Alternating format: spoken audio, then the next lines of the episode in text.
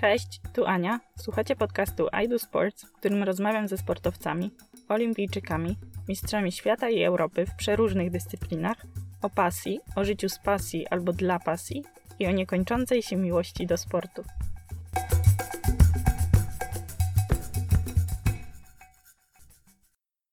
Dzisiaj jesteśmy w Gdyni z Martą Jasińską. Marta jest byłą reprezentantką Polski w gimnastyce artystycznej i mistrzynią świata w duecie na kółku. Cześć. Cześć. Jak się zaczęła Twoja przygoda z gimnastyką artystyczną?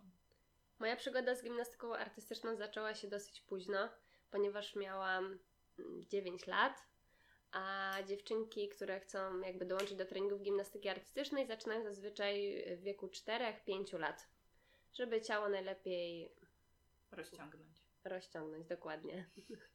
tak, namówiłam mamę, ponieważ zobaczyłam jakieś zawody w telewizji, chyba na Eurosporcie. Wtedy jeszcze leciały zawody z gimnastyki w telewizji. No.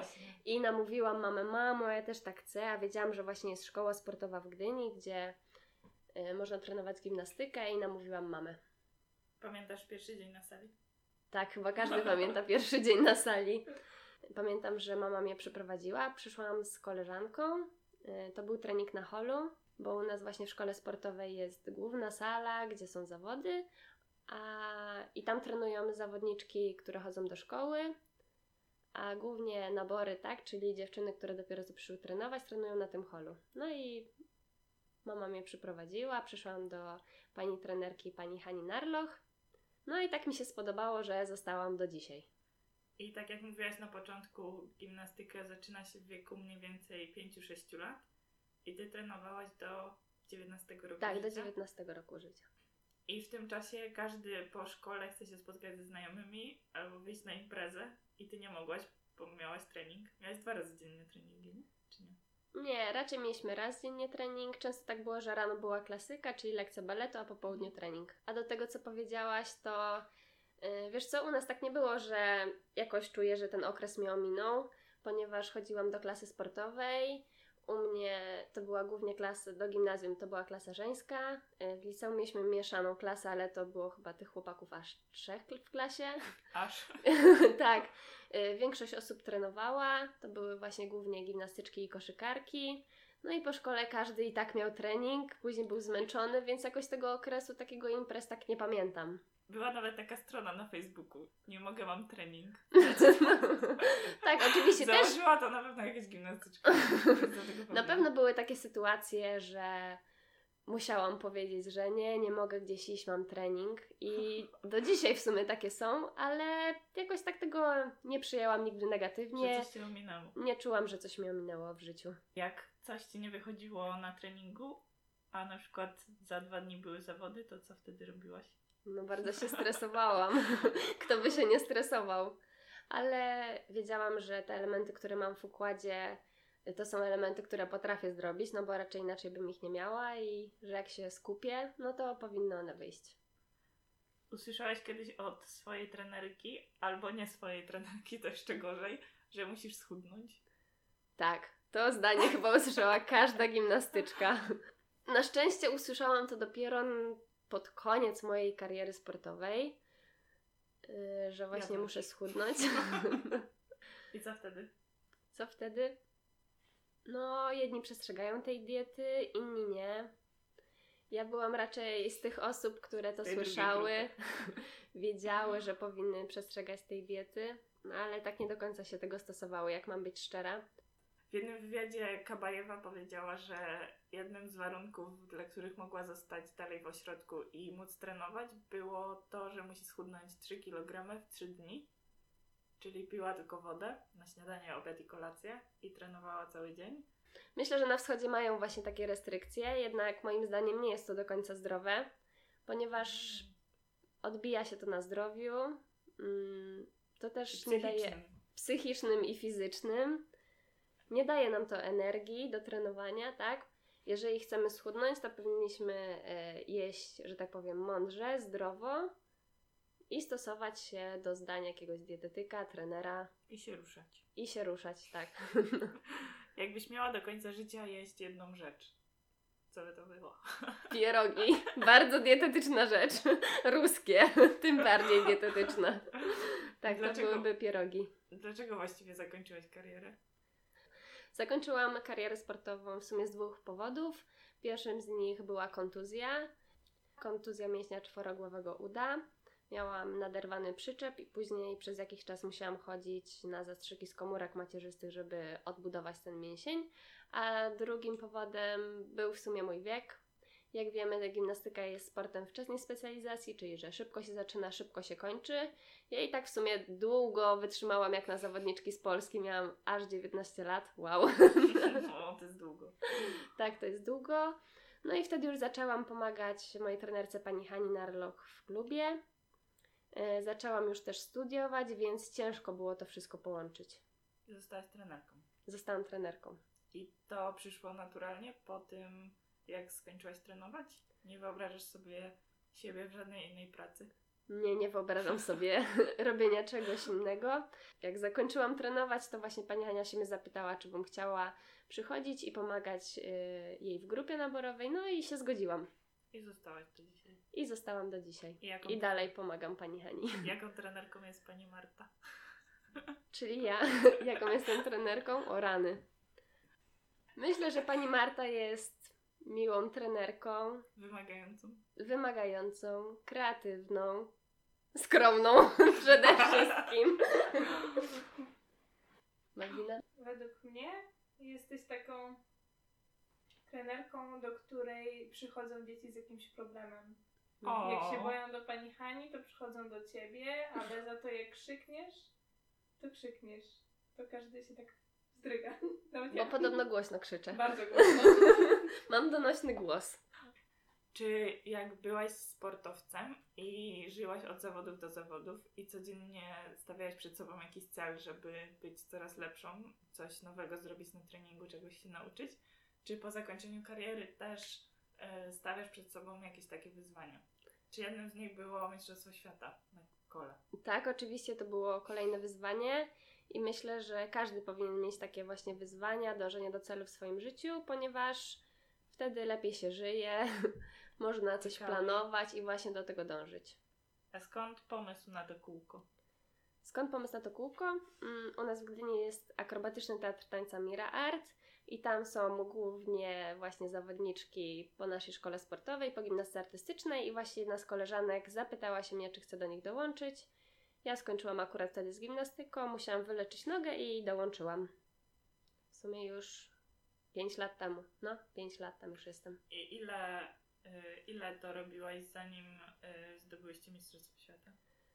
Czekaj, dołączyłam w 2015 roku, tak, do zespołu, Mm, a Mistrzostwo Świata zdobyłyśmy pod koniec 2017 roku. Dwa lata. Wcześniej trenowałam gimnastykę artystyczną 10 lat, która No. bardzo mi dużo dała. No, no ale to jednak było coś nowego. Tak, zupełnie A nowego. dużo ludzi to... Znaczy, to się robi teraz takie coraz bardziej popularne. Coraz więcej też zajęć jest, czy to dla dorosłych, czy dla dzieci, właśnie czy to na szarfach, czy na kółkach. Ale w Gdyni to jest jedno właśnie z nielicznych takich miejsc, jak chyba nie jedyne, jedyne. W Warszawie jest tego więcej, może w innych miastach. Aha. To się robi po prostu coraz bardziej popularne i myślę, że coraz więcej osób będzie takich, które to trenują. Jak to jest, y, kiedy... Jak to pogodzić, kiedy twoją rywalką jest jednocześnie twoja przyjaciółka? Wiesz co, ja nigdy nie myślałam o tym w ten sposób, ponieważ Bo znacie się od samego początku. Tak, znamy się. Tak, z Malwiną znam się już 15 lat. Trenowałyśmy codziennie razem na sali. Może nie codziennie. Na zawodach się zaczęłyśmy przyjaźnić. O tak, na zawodach w Izraelu w 2011 roku pamiętam, czyli tak się przyjaźnimy, przyjaźnimy 9 lat, a znamy się 15 lat. Ale zadałaś pytanie, jak to jest właśnie, kiedy się przyjaźnimy i rywalizujemy ze sobą. I w sumie my zawsze tutaj w Gdyni się lubiłyśmy, nie było e, między nami jakichś zgrzytów, czy to właśnie z zawodniczkami naszego klubu Łukasz Gdynia, czy Z z- tak, czy z przeciwnym SGA, bo razem chodziłyśmy i do klasy. No ale na zawodach każda po prostu miała robić swoje i czy to komuś wychodziło, czy nie wychodziło. My zawsze siebie wspierałyśmy, pomagałyśmy sobie, dopingowałyśmy. Nie było jakiejś takiej chorej rywalizacji, że tak powiem. Kuleszą, jak rywalizowałyśmy No, Eee, I No, my przyjaźniłyśmy się przez jakiś czas i pamiętam jak na naszych, na moich ostatnich zawodach w juniorkach naszych razem ostatnich byłyśmy pierwsze ex aequo i się z tego powodu tak cieszyłyśmy No. obie. Ja też końcu- pamiętam, jak one się no. cieszyły. W końcu nie jedna pierwsza, druga drugie i na odwrót, tylko w końcu dwie pierwsze. Nie, ale naprawdę nie było nas właśnie czegoś takiego, że No. ktoś... A macie jakieś swoje rytuały na treningu, czy na zawodach, czy przed zawodami? Ja miałam taki, że zawsze jak zawodniczka przede mną kończyła układ, to musiałam w połowie jej układu usiąść, poprawić na palcówki tak, żeby na palcówki to są właśnie takie jakby buciki, buty na stopy. Tak, takie półstopki z takimi dwoma gumkami i te dwie gumki musiały być idealnie z tyłu równe, bo zawsze się bałam, że one mi spadną, więc musiałam je sobie idealnie poprawić. Musiałam, wy- miałam ręczniczek, musiałam wytrzeć ręce, wytrzeć przybór, wtedy mogłam ćwiczyć. Niektórzy jeszcze tak tą jedną gumkę, tą krótszą, tutaj zakładają. Do przodu, ja tak nie lubiłam, ja zawsze miałam dwie z tyłu. Tak. Zawsze bezpiecznie mieć dwie z tyłu, bo wtedy jak jedna spadnie, to jeszcze No nie, no bo dwie naraz mogą spać, na przykład zahaczysz Nie. ręką i dwie spadną naraz, tak. A jak miałaś tą z przodu, to przynajmniej ta z przodu ciebie trzymała. Oprócz tego, że jesteś trenerką, pracujesz też w teatrze i jaką widzisz róż, różnicę między pracą w teatrze i występowaniem w teatrze, a występowaniem na planszy, na zawodach jako gimnastyczka? Czuję ogromną różnicę, ponieważ jak startowałyśmy na zawodach, no to czułyśmy bardzo dużą presję, ponieważ y, chce się wykonać układ bez błędów, jest się ocenianym. No i pewnie stąd ta presja, tak? Każdy chce zająć jak najlepsze miejsce, każdy chce wykonać układ bez błędów, a w teatrze to jest taka bardziej, no Zabawa. może nie tyle co zabawa, no bo wiadomo, że też trzeba wystąpić, wszystko dobrze zrobić, ale jest taki większy luz, yy, robi się to jakby z większą radością. No, ale Występo- jest więcej publiczności Tak, i jest oni za więcej- to płacą, a na zawodach nie, No nie zawsze. No tak. Yy, ogólnie każdy, kto występował przed ludźmi, zna właśnie takie uczucie.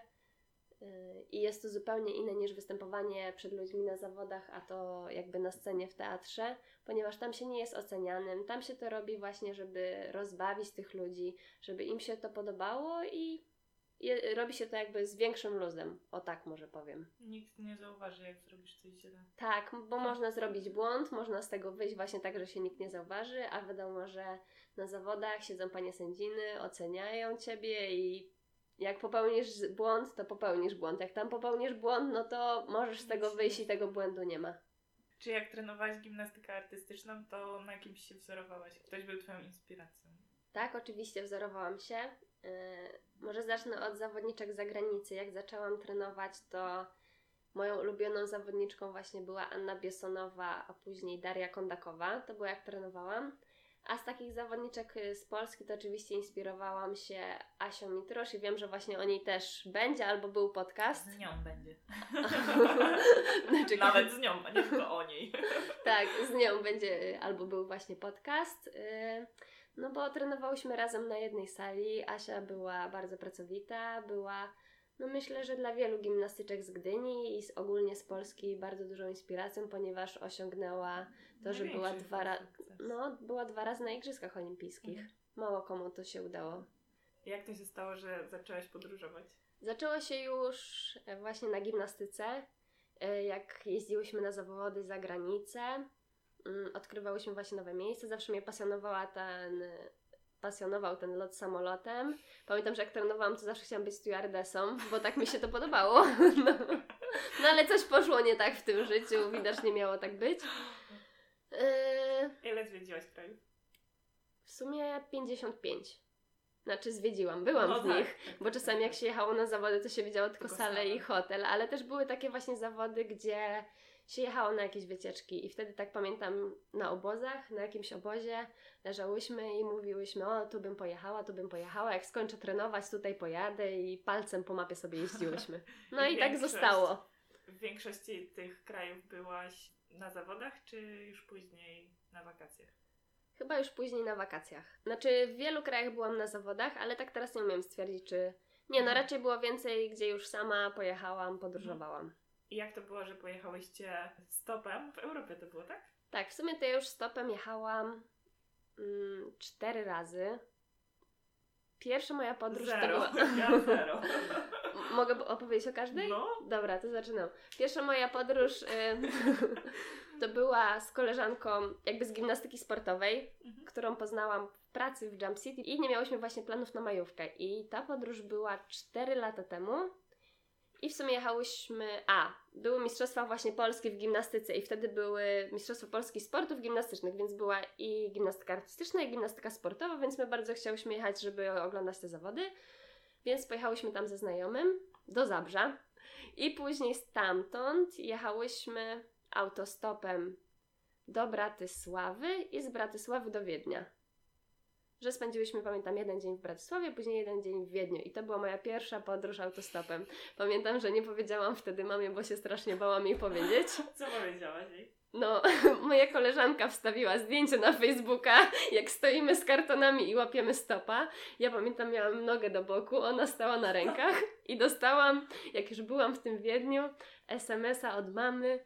Marta, jak dotarłaś do Wiednia? Prawda, że nie autostopem? A ja napisałam, nie mamo, pogadamy w domu, wszystko jest okej. Marta, proszę powiedz, nie mamo, wszystko jest okej. To była pierwsza podróż. A nie powiedziałaś mamie, że jechałaś stopem. W sensie twoja No, mama wiedziała, później jak już wróciłam, to po fakcie. Tak, tak, ale- tak. Aha. Później już po fakcie, bo żyję tym przekonaniem, że im mniej wiesz, tym lepiej śpisz. Dokładnie tak. To samo. Więc po fakcie się dowiedziała. Później druga podróż była właśnie znowu z tą samą koleżanką. Ona jest Olsztyna. Z Olsztyna jechałyśmy do Wilna i tam pojechałyśmy stopem. Nie pamiętam, czy mówiłam mamie, czy nie. Też na majówkę rok później wróciłyśmy, ale nie pamiętam właśnie. Tam nie było jakichś takich przygód. Później kolejna podróż była z Malwiną na Białoruś. To pamiętam, że też nie powiedziałam mamie. Ja też. Chodzi na to, że żadnej nie powiedziałaś mamie. Nie, nie, nie, później już wiedziała. E, Tego też nie powiedziałam mamie. I pamiętam, że miałyśmy problem jakiś z wyrobieniem wiz i od razu jak wyrobiłyśmy tą wizę, to jechałyśmy do Warszawy, bo tam miałyśmy nocleg i później miałyśmy jechać e, właśnie do Mińska. A do Mińska na zawody, na Puchar Świata w gimnastyce. Był sierpień, było ciepło, więc pamiętam jak raz przyszłam do Malwiny i wpadłyśmy na pomysł, jedziemy stopem na Puchar Świata. Dobra, no to kupmy bilety na salę, jakoś dojedziemy i ogarniemy nocleg. I pamiętam, że strasznie unikałam tego tematu w domu, żeby jak najmniej o tym mówić i nic w sumie o tym nie mówiłam. I pamiętam, że odebrałyśmy wizy już z plecakami mm, i ruszyłyśmy stopem. I miałyśmy ten nocleg w Warszawie i mama się mnie zapytała... Z Gdyni do Warszawy też stopem. Tak, tak, tak, z Gdyni do Warszawy też stopem. Co mama się mnie zapytała? O której jutro chyba macie samolot? A ja tak, oj, samolot? Mówię, nie, nie mamo, mamy pociąg. Ja tutaj przyjechałam pociągiem. Aha, no tak, aha, no tak. To daj tylko znać jutro, jak będziecie przy granicy. I pamiętam do tej pory, mam obraz po prostu w głowie, jak jedziemy z Malwiną, jedziemy, no i tak jechałyśmy i tak myślimy sobie, chyba już jesteśmy przy granicy, to dzwonię do mamy. Znaczy nie byłyśmy, ale to już tak z czasu No, no, no. wyglądało, żebyśmy, że jesteśmy przy granicy. No i dzwonię do mamy, stoję tam na poboczu. Malwina stoi z kartonem, z ręką do boku. Yy, No i dzwonię do mamy, mamo, mamo, już jesteśmy przy granicy, czekamy tutaj aż pociąg ruszy. A mama, ale na pewno nie jedziecie autostopem. I ja tak się patrzę na tą Malwinę, która stoi przy tej ulicy i mówię, nie, mamo, nie. No i tak wyglądała moja kolejna podróż. To były w sumie takie trzy krótkie podróże, a w moją czwartą i do tej pory ostatnią, ale na pewno nie ostatnią y, kiedykolwiek, y, pojechałyśmy na Bałkany i tam w sumie pojechałyśmy na dwa tygodnie. Długo. No, było super. Pamiętam, że y, wcześniej właśnie z tym zespołem y, Mira Art pojechałam do pracy do Dubaju i spędziłam tam ponad miesiąc. Wróciłam wieczorem, zapakowałam się w plecak, a następnego dnia rano już jechałam właśnie z Malwiną na stopa. Jak to było, że w Dubaju pracowałaś? W Y, sensie miałyście tam cały czas jakieś pokazy, tak? Tak. Yy, właśnie nasza szefowa, pani Mira, tam miała kontakt yy, z panią, która tam właśnie organizuje takie występy i ona nas po prostu zaprosiła. Miałyście codziennie jakieś pokazy? Tak, codziennie. codziennie? Trzy razy dziennie albo cztery razy dziennie przez miesiąc. My tam chyba akurat miałyśmy z tego co pamiętam poniedziałki wolne, a tak to od A. wtorku do niedzieli, dzień w dzień to samo, więc już po tym ponad, jak tam siedziałyśmy ponad miesiąc, z tego co pamiętam, to już było ciężko. O ja, nie wiedziałam tego. I później byłyście, ale to już nie stopem, w Azji. W Azji, tak. Znaczy, byłam parę razy już w Azji.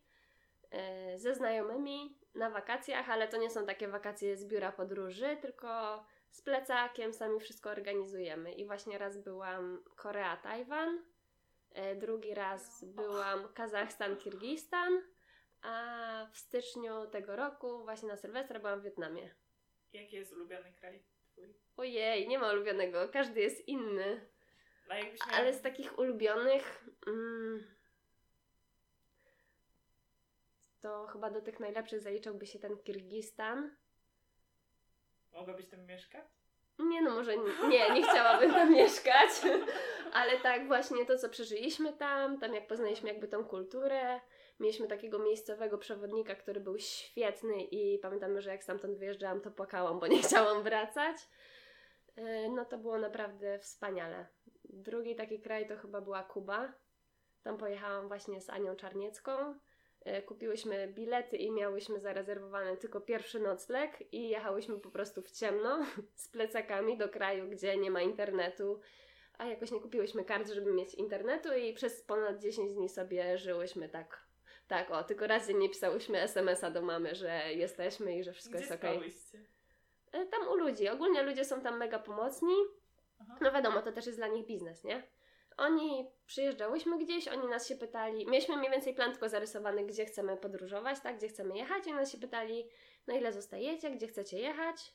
Jak mówiłyśmy, gdzie chcemy jechać, to oni dzwonili tam do jakichś znajomych, załatwiali nam nocleg, y, ogarniali nam transport, tam głównie się jeździ taksówkami i po prostu jechałyśmy. W sumie nigdy nie pomyślałam, żeby zarezerwować pierwszy nocleg. I jechać w ciemno. No. No, no Czekaj, jeszcze pomyślę, jaki może być kraj top, top 3. Chyba Kirgistan, Kuba i trzeci. Kirgistan, Kuba to powinno być dalej na K, ale chyba nie będzie. Mm, Wydaje mi się, że jeszcze podróż na Islandię była bardzo ciekawa, O, no tak, super. ponieważ pojechałyśmy tam właśnie w czwórkę na tydzień, miałyśmy auto i to był bardziej taki obóz przetrwania, ponieważ y, powinniśmy się przygotować na tą podróż, bo to jest Islandia, ale się nie przygotowałyśmy, nie sprawdziłyśmy jaka będzie pogoda. Y, Nie wzięłyśmy wystarczającej ilości jedzenia. Myślałyśmy, że wszędzie można rozbić namiot, co wcale nie można wszędzie rozbijać namiotu, więc chyba na 7 nocy 5 spędziłyśmy w aucie. No ważne, że mieliście samochód. No, no, nie, ale było naprawdę fajnie. A jaka jest najniebezpieczniejsza albo... Oj. No tak, najniebezpieczniejsza albo najstraszniejsza przygoda z podróży? To zależy dla kogo skierowany jest ten podcast. To może ja opowiem o dwóch i coś wybierzesz. No nie, no no. Y, No to Wybiorę obie. obydwie są właśnie. y, Obydwie są połączone właśnie z podróżami autostopem. Pierwsza to było jak wracałyśmy właśnie z tego stopa z Białorusi. I jak przekraczasz y, granicę Białoruś-Polska, to nie możesz jej przejść. Musisz już z kimś przejechać. No więc ciężko było złapać stopa, bo raczej Białorusini nie chcieli łapać Polaków do Polski, więc udało nam się złapać Polaka. No i jedziemy z nim i on się nas po prostu zapytał, czy może się tutaj zatrzymać w. My mówimy, no pewnie. I on przychodzi z całą siatą papierosów. No bo był przemytnikiem, co się później okazało. mama nie wie, więc mama teraz pewnie będzie słuchać. No i pamiętam, jak siedziałyśmy z Malwiną z tyłu na tylnym siedzeniu. On wziął te papierosy, wziął czarną taśmę i zaczął je tak obklejać. A my, jak takie dwie blondynki, zapytałyśmy się, pomóc ci? A on mówi, nie, nie trzeba, poradzę sobie. No i ja tak patrzę, on je obkleja, patrzę jeden taki wagon, drugi wagon, mówię...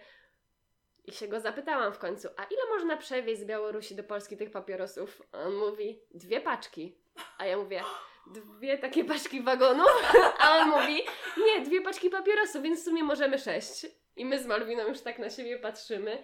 I ja już w głowie, Boże, zamknął nas, zamknął nas, jak ktoś się skapnie. I uwaga, najlepsze było to, że nigdy nie widziałyśmy tak przystosowanego auta do chowania tych papierosów, bo on nagle podniósł jakoś y, jakby ten sufit od auta, nie wiem jak to się nazywa, chował tam, otworzył drzwi, wyjął to jakby, No, no, no, to takie jak jest klamka, tak, wyjął te plastiki, tam chował papierosy, otwiera bagażnik, wszędzie chowa papierosy, wszędzie po prostu chował te papierosy. Ile on tego miał? Dużo, bo on jeszcze mówił, my to kupiliśmy na granicy, a on jeszcze mówił, my przekraczałyśmy chyba granicę w Brześciu, z tego co pamiętam. I on jeszcze mówił, że tam właśnie wcześniej gdzieś tam kupił papierosy. No i on opowiadał nam, że głównie z tego żyje.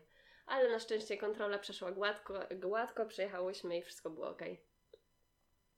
Nie, no nie mogę tego puścić. No ale pytasz się od nas. No nie, no to tą drugą. No to druga jest chyba jeszcze gorsza. Dobra, to teraz druga. Albo, dobra. To teraz kolejna. Yy, też wracałyśmy ze stopa i wyjeżdżałyśmy z Budapesztu. I ogólnie jak y, jeździsz na stopa i stoisz gdzieś w jakichś mniejszych miastach albo gdzieś przy drodze, no to to jakoś idzie to łapanie tego stopa, że naprawdę długo nie trzeba stać. Ale jak próbujesz wyjechać z miasta, to to trwa trzy razy dłużej, albo jeszcze dłużej, zależy w sumie kto łapie, no bo dziewczyny to też wiadomo szybko łapią. No i my tak stałyśmy w tym Budapeszcie, raczej zawsze starałyśmy się jak najwcześniej wstawać i już y, jechać. I stałyśmy na tej drodze, stałyśmy, stałyśmy i nagle do nas podchodzi jakiś facet, a auto się zatrzymało tak dalej, że nie widziałyśmy. No i podchodzi do nas jakiś facet i się pyta, czy jedziemy. My tak, tak, w końcu kto się zatrzymał, jedziemy. My podchodzimy, to była, nie wiem, siódma, siódma, trzydzieści rano. Patrzymy, rejestracje rumuńskie, w środku pięciu Rumunów, którzy chleją i tam impreza na całego. My przerażone, siadamy do tyłu i oni tam oczywiście się pytają, papierosy nie, alkohol my nie, takie przerażone siedziałyśmy. Ja pamiętam, że zawsze mam przy sobie gaz pieprzowy, wtedy akurat nie mogłam go znaleźć, więc Malwina na wszelki wypadek znalazła scyzoryk. I siedziałyśmy tam z tyłu, a i oni jeszcze z tyłu mieli takie, no nie wiem, jak u nas piwa mają pół litra, oni mieli jak takie kole dwójpół litrowe i w tym mieli takie piwa i to z tyłu wszędzie leżało. No i my takie przerażone, 7.30 impreza w tym aucie, jedziemy, jedziemy, jedziemy, ale cały To czas mówimy do impreza, siebie. czy jeszcze impreza? Wciąż. to była wciąż impreza. No i mówimy, nie no, musimy gdzieś usiąść, yy, wysiąść. No i zajechałyśmy na jakimś zjeździe na jakiejś autostradzie, bo oni oczywiście no tyle pili, że musieli wyjść do toalety i mówimy, nie Malwina, zatrzymujemy się tutaj, wychodzimy. No i powiedziałyśmy coś w stylu, że musimy wyjść, zjeść śniadanie. Yy, I oni mówią, no to chodźcie w aucie, zjecie śniadanie. My nie, nie, nie, my tutaj zostajemy. Wzięłyśmy plecak i zostałyśmy. No i spoko, chwila minęła, złapałyśmy kolejnego stopa i koleś jechał bardzo, bardzo, bardzo szybko. Jechał szybko, ale on jechał gdzieś do Niemiec. My wtedy byłyśmy, nie wiem, czy to były już Czechy. To by chyba były Czechy, albo zjazd jakiś na Czechy. No i y, próbowałyśmy złapać y, stopa kolejnego w najgorszym miejscu chyba na autostradzie, czyli na wjeździe jakby do zakrętu. Wiadomo, że Mhm. ciężko, żeby ktoś tam się zatrzymał, więc my stałyśmy na tej drodze, stałyśmy, stałyśmy, stałyśmy. I, a tamten y, poprzedni, który nas podwiózł, jechał bardzo szybko. I nagle patrzymy, ci Rumuni jadą i nam machają. I oni tylko zatrzymali się na tym poboczu, na autostradzie. I uwaga, patrzymy, oni się zatrzymali, my udawałyśmy, że ich nie widzimy. A, bo oni jeszcze nam mówili wcześniej, że oni nas podwiozą tego miejsca, a my już myślałyśmy, że my jedziemy gdzieś indziej. I oni na tym poboczu cofają się w tył. I jadą po nas, a my, o nie, co teraz? I pamiętam, że szybko wymieniałyśmy te wszystkie kartki, że niby jedziemy gdzieś indziej, czy tam, że nie jedziemy po prostu w ich stronę. No i znowu jeden wyszedł, pamiętam, że już był trochę pijany i podszedł i mówi, no chodź, nic wam nie zrobimy. A my, nie, nie, nie, my nie chcemy. No i on poszedł do auta, przyszedł drugi, my dalej, że nie, nie, nie, nie, nie, my nie chcemy. No i tak, nie wiem, to chwilę pamiętam z tego, co trwało. To No i- coraz bardziej podejrzane się robi, jak tak każdy namawia, No, żeby ale no, no, no, ale w końcu odjechali. My tam, po, pamiętam, podeszliśmy kawałek do góry i jakiś Polak nas zabrał. Czyli skończyło się szczęśliwie. Tak, zawsze się kończyło szczęśliwie. Jakie jest Twoje najlepsze wspomnienie z gimnastyki albo ulubione zawody? O, Ulubione zawody? E, To chyba były moje pierwsze Mistrzostwa Europy w zbiorówce w kategorii juniorek w 2009 roku, o rany, 11 lat temu. To było chyba jakoś równo 11 lat temu, bo to właśnie było w połowie a maja. gdzie to było? w Baku w Azerbejdżanie. I właśnie pamiętam, że z dziewczynami ze zbiorówki udało nam się wywalczyć finał na Mistrzostwach Europy i to było chyba takie najlepsze przeżycie w tej całej gimnastyce. O i No. drugie takie to było jak się zakwalifikowałam, to jak już byłam w seniorkach, właśnie żeby reprezentować Polskę na Mistrzostwach Świata. A właśnie. A wcześniej też byłaś na Tak. Mistrzostwach Europy, ale nie Indywidualnie w juniorkach, tak. Fajne wspomnienia to były. W 2010 roku. Właśnie z dziewczynami, z Anią i z Mają z Wrocławia. Mhm. Byłyśmy właśnie w trójkę na Mistrzostwach Europy w kategorii juniorek. Też Baku? Nie, wtedy to było w Niemczech, w Bremen. A Mistrzostwa Świata? Yy, We Francji, w Montpellier.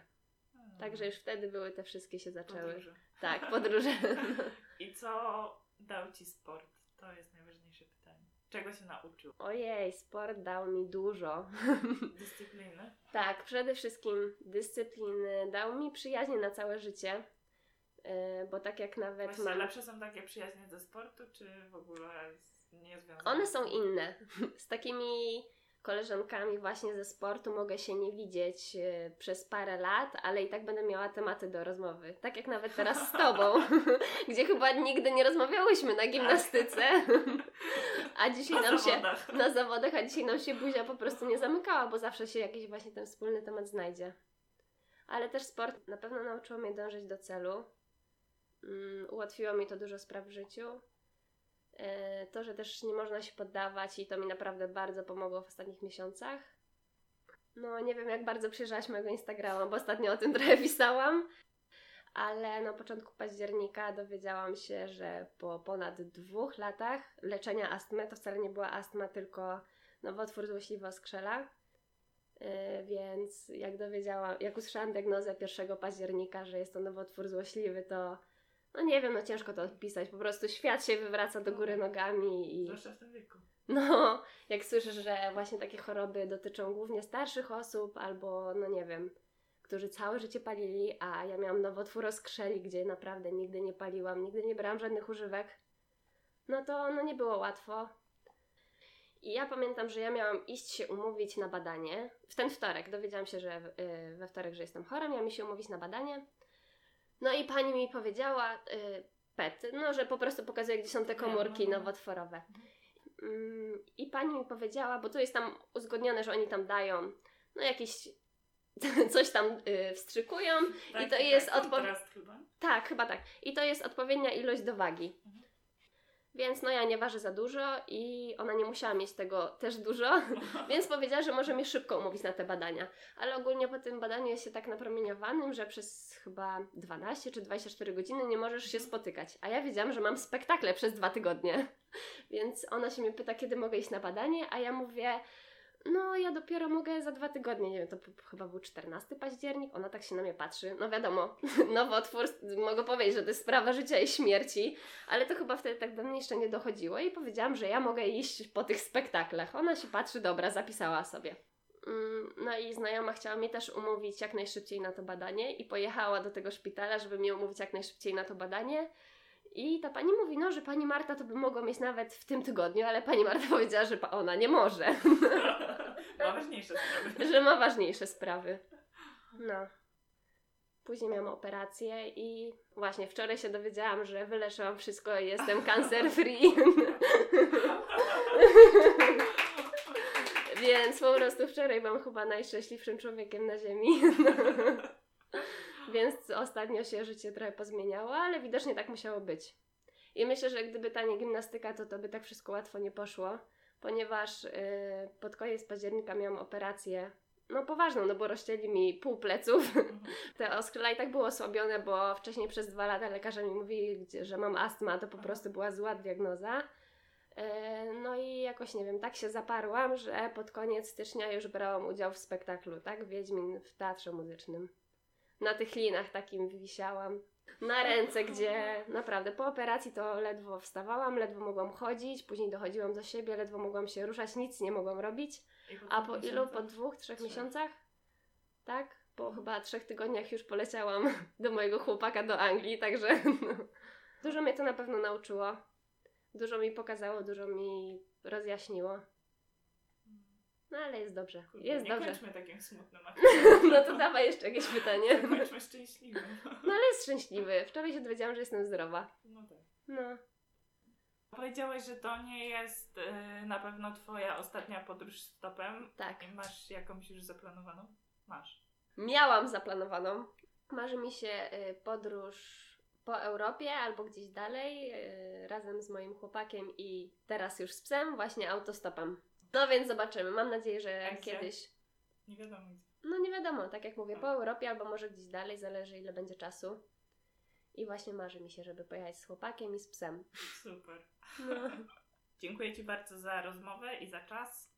no ja też Tobie bardzo dziękuję, że mogłam wziąć udział w takim projekcie i mam nadzieję, że wszystkim będzie się dobrze tego słuchać.